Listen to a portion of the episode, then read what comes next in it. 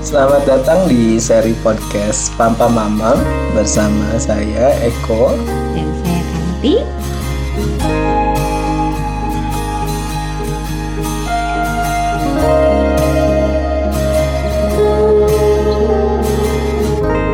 Di seri podcast ini adalah ruang untuk kami berdua belajar berdiskusi secara baik sekaligus juga sedikit upaya kami untuk berbagi cerita ke putri kami terkait apa yang menjadi pemikiran kami sekaligus juga mudah-mudahan jadi ruang untuk kita sama-sama bisa belajar. Podcast ini formatnya sederhana, bakal berisi obrolan-obrolan yang mungkin banyak nggak pentingnya, tapi semoga juga ada hal-hal yang baik di dalamnya. Dan uh, formatnya mungkin nanti rencananya Pam Pam akan bertanya ke Mamam dan Mamam juga mungkin akan bertanya ke Pam Pam dan kami berdua akan coba menjawab sejujur-jujurnya dari berbagai pertanyaan yang ada. Uh, untuk rekan-rekan semua yang sudah berkenan bergabung juga silahkan jika nanti berkenan berbagi pertanyaannya ke podcast ini kami juga akan sangat-sangat merasa senang kalau bisa uh, mungkin memberikan jawaban dan sedikit pemikiran kami. Di seri ini kita akan diskusi satu topik besar yaitu tentang having baby Nah, untuk mengawali mungkin saya izin cerita bahwa kami berdua itu menikah di tahun 2006 dan alhamdulillah kami dikaruniai seorang putri yang luar biasa pada tahun 2014. Jadi butuh waktu sekitar 8 tahun untuk kami dikaruniai seorang putri. Dari situ muncul pertanyaan dari banyak pihak. Kenapa sih butuh waktu segitu lama untuk punya baby? Dan untuk menjawab pertanyaan itu, mungkin saya serahkan sepenuhnya ke Mama Kanti. Silahkan Mama. Oke, yang pertama adalah waktu kami setelah menikah, kami harus LDR dulu. Jadi kalau punya baby saat LDR kayaknya repot banget gitu. Jadi kami saat itu membuat keputusan untuk menunda punya having baby. Terus nah, yang kedua adalah karena untuk jadi mamamnya Kiria itu uh, saya berusaha untuk jadi seseorang yang pantas lah untuk mamamnya Kiria jadi butuh waktu yang lama untuk mencoba memperbaiki diri supaya bisa jadi orang yang pantas buat mamamnya Kiria itu Iya, uh, karena having baby emang butuh kerjasama dari berdua maka alasannya mamam juga adalah alasannya saya gitu ya. Tapi mungkin kita ingin highlight yang yang kedua soal memantaskan diri ya. Tadi mamam cerita butuh waktu untuk memantaskan diri agar menjadi seorang mamam, seorang ibu.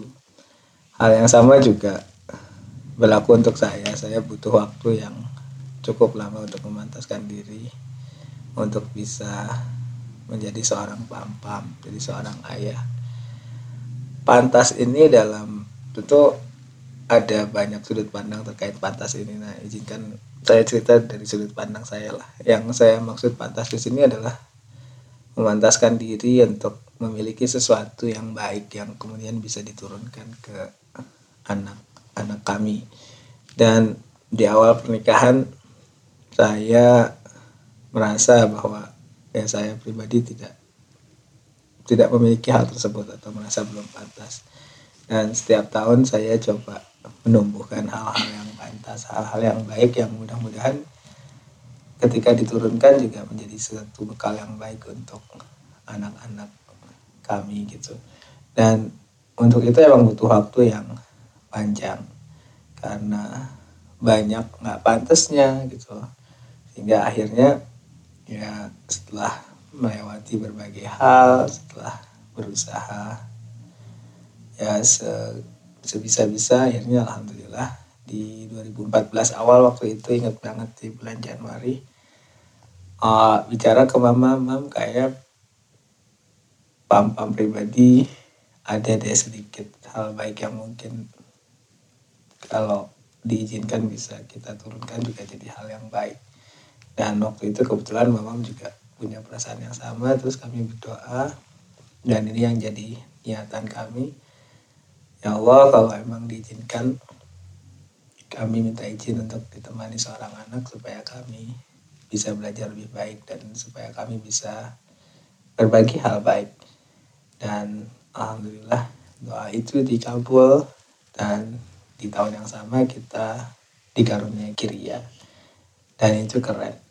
Dan ya kalau jawab singkat mungkin kenapa butuh waktu lama? Karena buat kami pribadi memantaskan diri ya emang butuh waktu itu. Dan kalau saya pribadi itu nggak lama dan bahkan sampai sekarang pun masih terus berusaha memantaskan diri. Yep. Tapi mungkin ada lanjutannya bang pertanyaannya. Itu kan butuh waktu lama tuh Mhm. untuk kita having a baby. Terus sekarang alhamdulillah kita udah jadi papa mamam dan punya baby selama lima tahun. Mhm. So gimana rasanya? Seru. Senang. Banyak bahagianya. Ada repotnya. Tapi nyenengin lah. Hmm, Setiap hari berusaha jadi lebih baik. Oke, itu uh, aku nggak berhak confirm atau nggak confirm ya. Yang jelas buat papam sih nyenengin banget karena selama ini Kiria emang diurus oleh mamamnya. Uh, papam selalu ngerasa tiba-tiba Kiria udah lima tahun aja gitu. Papam nggak pernah begadang dari Kiria lahir. Kalau sakit juga biasanya Kiria sama mamamnya sepanjang waktu. Jadi having a baby is wonderful kalau buat pam pam gitu ya. Semuanya diurusin mamam terima kasih mamam ya seru banget tapi mungkin pam juga harus jujur banyak muncul kekhawatiran kalau buat pam khawatir macam-macam lah tapi satu hal yang mungkin jadi kekhawatiran terbesar adalah khawatir kalau ya kalau pam pam jadi penghalang buat buat Kiria. Dan selama lima tahun ini kalau Pam ditanya, Pam Pam seru gak sih jadi orang tua? Pam Pam merasa seru banget, tapi di saat yang sama juga Pam Pam semakin sadar kalau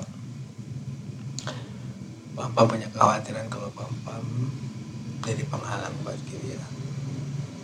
Dan ya, jadi selama lima tahun ini belajar untuk memastikan diri minimal tidak jadi penghalang, minimal juga nggak nggak ninggalin atau mewariskan masalah untuk Kiria. Kalau mama sendiri gimana? Honestly in, in that view dalam pandangan itu. Hmm. Jadi penghalang. Aku nggak pernah kepikiran sih. Hmm.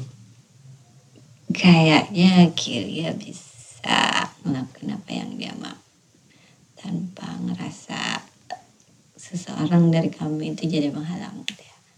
Kalau menurut aku sih. Ya itu paling kekhawatiran papa itu soalnya papamnya kadang keras terus juga ya banyak maunya dan kadang ignorance. Nah, semoga Kiria bisa meloncati pam-pamnya. Dan cuma perasaan itu yang kadang kalau lagi berdoa, lagi sendiri yang jadi kekhawatiran tersendiri. Ya mungkin itu kali ya esensinya jadi orang tua. Uh, senangnya banyak, khawatirnya juga ada. Dan semuanya jadi cerita nggak ada habisnya. Oke, mama mau ada yang ditambahin dulu soal having a baby dan pengalamannya menjadi mamam selama lima tahun ini karena buat pam-pam, jadi pam-pam itu super-super tidak terasa merepotkan setelah diurus mama. No, kayaknya udah cukup. Good, thank you buat semua yang sudah mendengarkan. Inilah seri podcast Papa Mamam. Sekali lagi kalau ada pertanyaan apa pun yang mungkin ingin ditanyakan untuk jadi obrolan kami di di seri podcast ini, feel free. Podcast ini nanti akan di-share di berbagai kanal, jadi mungkin nanti pertanyaannya juga bisa langsung ditanyakan di kolom-kolom komentar di mana mungkin teman-teman mendengarkan podcast ini. Malam ini cukup dulu sampai sini. Ya. Terima kasih malam ya. sudah menemani. Terima, kasih, sudah sudah. Terima kasih semuanya. Oke, okay, bye. Podcast ini didukung oleh monkeymelody.com dan menjadi bagian dari suarabaik.id.